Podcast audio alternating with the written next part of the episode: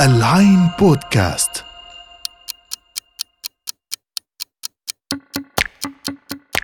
الساعة 25 الساعة اللي بتيجي بعد ما نقرأ نص أو نشوف فيلم. ونلف مع شخصيات خيالية برا الزمان والمكان. أنا سلمى أنور وحنتقابل أسبوعياً بالساعة ال 25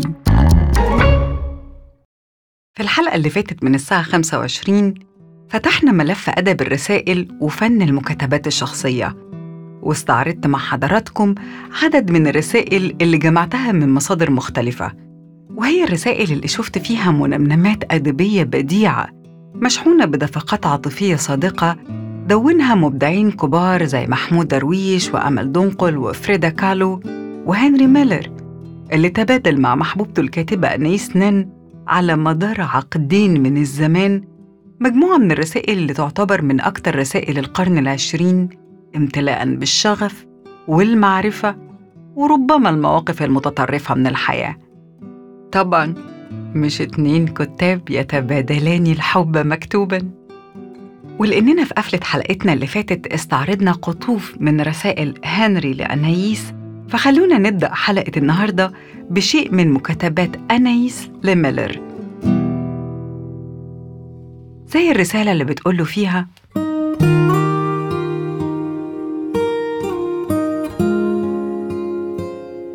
أرجوك أن تفهم يا هنري.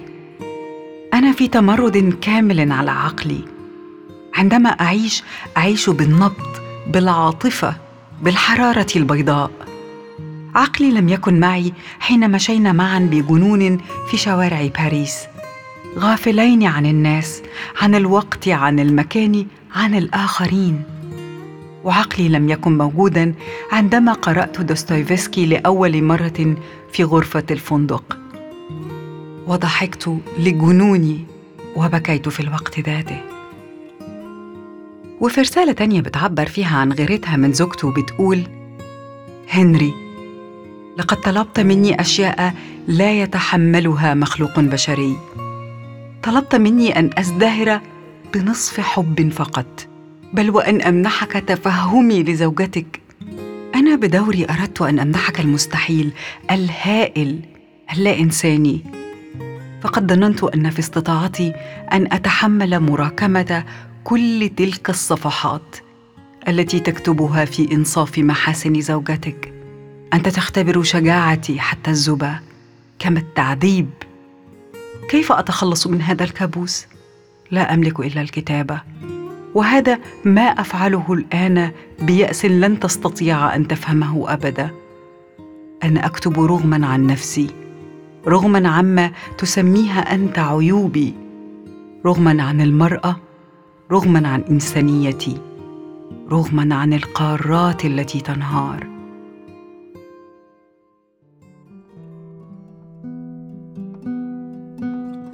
علاقة هنري وأنايس ما كانتش العلاقة الوحيدة العاصفة اللي جمعت بين اتنين مبدعين في القرن العشرين وخلفت لينا الكم الهائل ده من الرسائل المتدفقة والممتعة والعاصفة.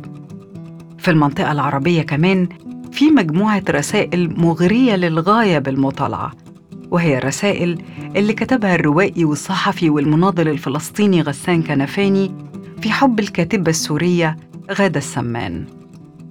رسائل غسان لما اتنشرت لأول مرة في أوائل التسعينيات من القرن الماضي أثارت لغط هائل في الوسط الثقافي العربي واستجلبت على غادة الكثير من الهجوم والانتقاد والاتهامات بالتشهير والنرجسية والرغبة في التباهي برسائل غرام كتبها رجل بحجم وثقل غسان. لكن بعيدا عن دايرة الأحكام دي الحقيقة إننا كنا هنخسر الكثير جدا من الجمال والرهافة لو لم تنشر غادة رسائل غسان. مثلا في واحدة من رسائله بيخاطب غسان غادة بمجاز يتداخل فيه الخاص مع العام وهو بيقول لها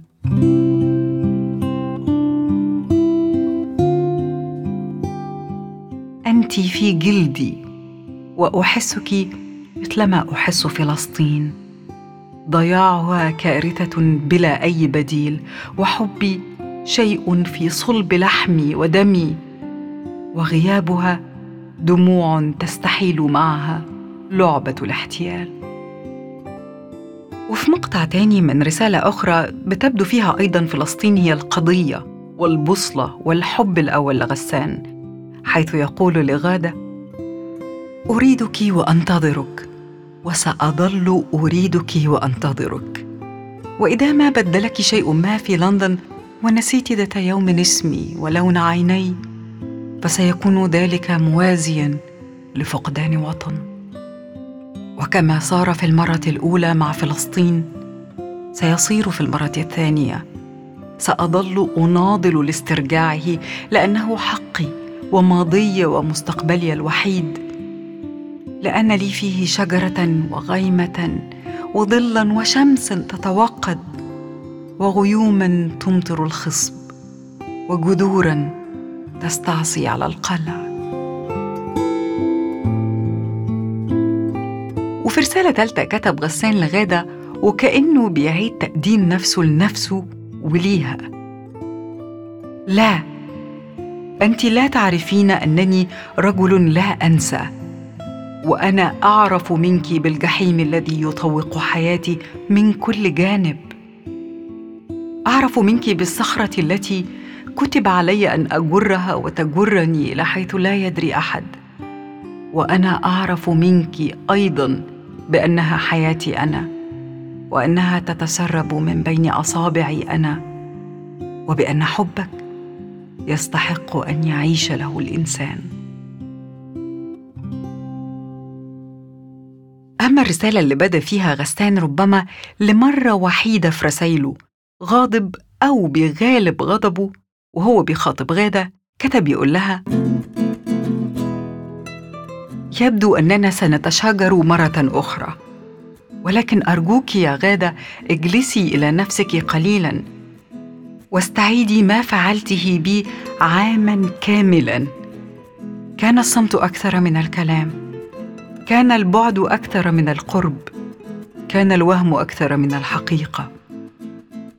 كان الرفض أكثر من القبول وكان التحايل افظع من المواجهة. لقد حرصت في الأيام الأخيرة على المطالبة باسطواناتك بإصرار ولكنك لم تفكري ابدا بكم أحتاج لآلة التصوير والاسطوانات وسافرت دون حتى أن تكترثي.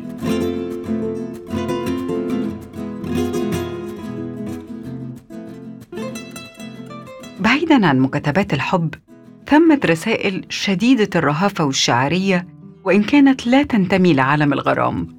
وهي رسائل الشاعر والأديب السوري الفذ محمد المغوط اللي جمعها شقيقه عيسى المغوط في كتاب أسماه محمد المغوط رسائل الجوع والخوف. وهنا أنا بقول إن رسائل المغوط شعرية لأنه قد إيه يبدو مثلا الفقر على قسوته وغلظته معطى شاعري من معطيات القدر في خطابات المغوط الزاخرة بالاحتياج والاستغناء في نفس الوقت.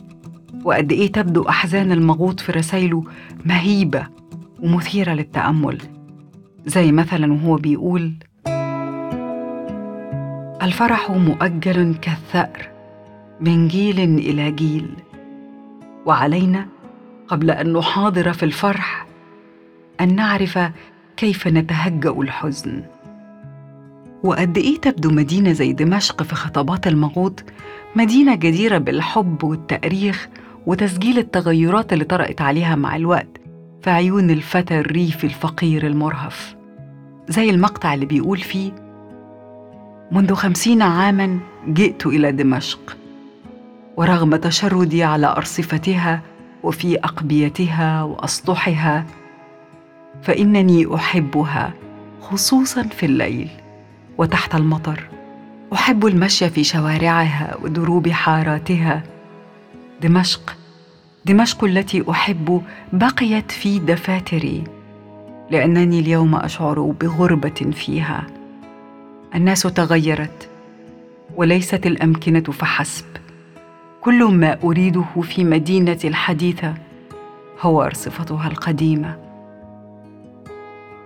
أما عن مدينة سلامية مسقط رأسه ومرتع طفولته بيقول محمد المغوط في رسالته لأخوه تسأل كيف أقضي أوقاتي في دمشق؟ إنه يكفيني أن أكون بعيدا عن سلمية تلك الوحدة المظلمة في العالم إنني أكرهها جدا لأنها منبع شقائي ومصدر الأنين لقلبي التعس. بالمناسبة الموجود بعد كده هيكتب قصيدة عن سلمية بتظهر فيها رؤيته المشحونة والمركبة للمدينة والتجارب طفولته فيها وهي القصيدة اللي هيقول فيها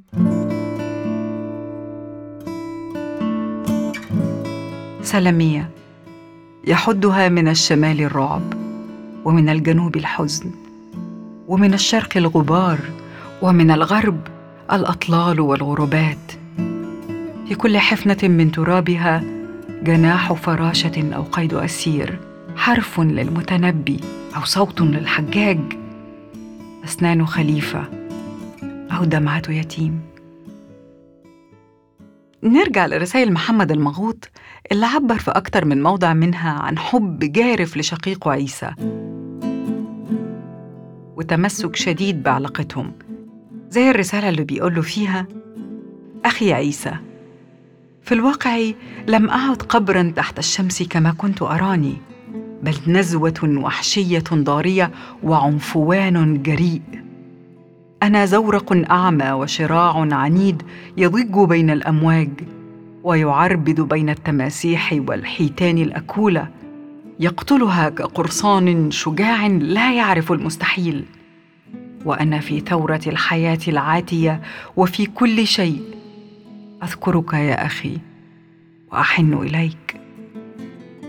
أو زي الرسالة اللي بيقوله فيها أخي عيسى الآن وبعد كل شيء أحاول أن أغمس ريشتي في جراحي لأكتب إليك.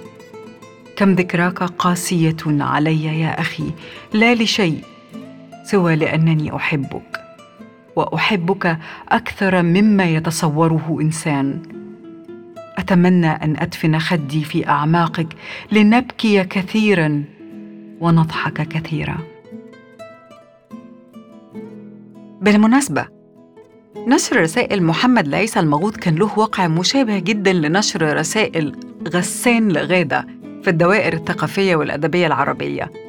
وقتها برضو أثارت اتهامات كتير في مواجهة عيسى المغوط من قبيل إنه بيحاول يختلس شيء من مجد شقيقه الراحل بتجميع رسائله وقصصاته وكذا وكذا.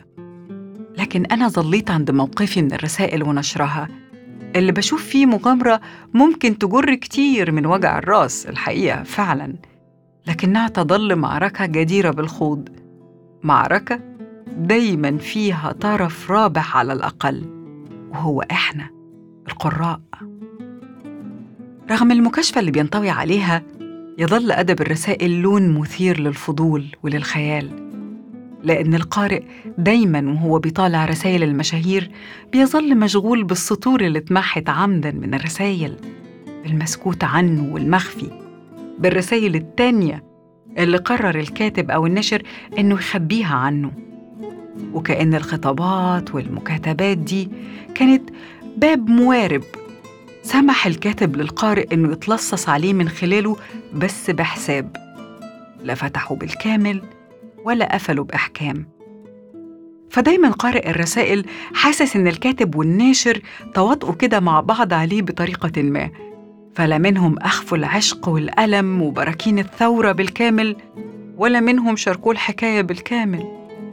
وهنا أحب أختم باقتباس استخدمته الكاتبة المصرية سمر الزهيري في كتابها اللطيف المعنون بعلم الوصول واللي أوردت فيه مجموعة من رسائل المشاهير وهو اقتباس للكاتب الأفرو أمريكي جيمس بالدوين. بيقول فيه تعتقد أن ألمك وحسرة قلبك غير مسبوقة في تاريخ العالم ولكنك تقرأ بعد ذلك.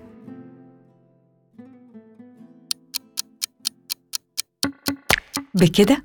تكون خلصت ساعتنا ال 25 النهارده.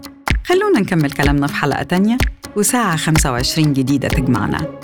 ما تنسوش تسمعونا على موقعنا align.com slash podcast وعلى مختلف المنصات أبل بودكاست سبوتيفاي جوجل Deezer أنغامي وساوند كلاود فتكم بعافية.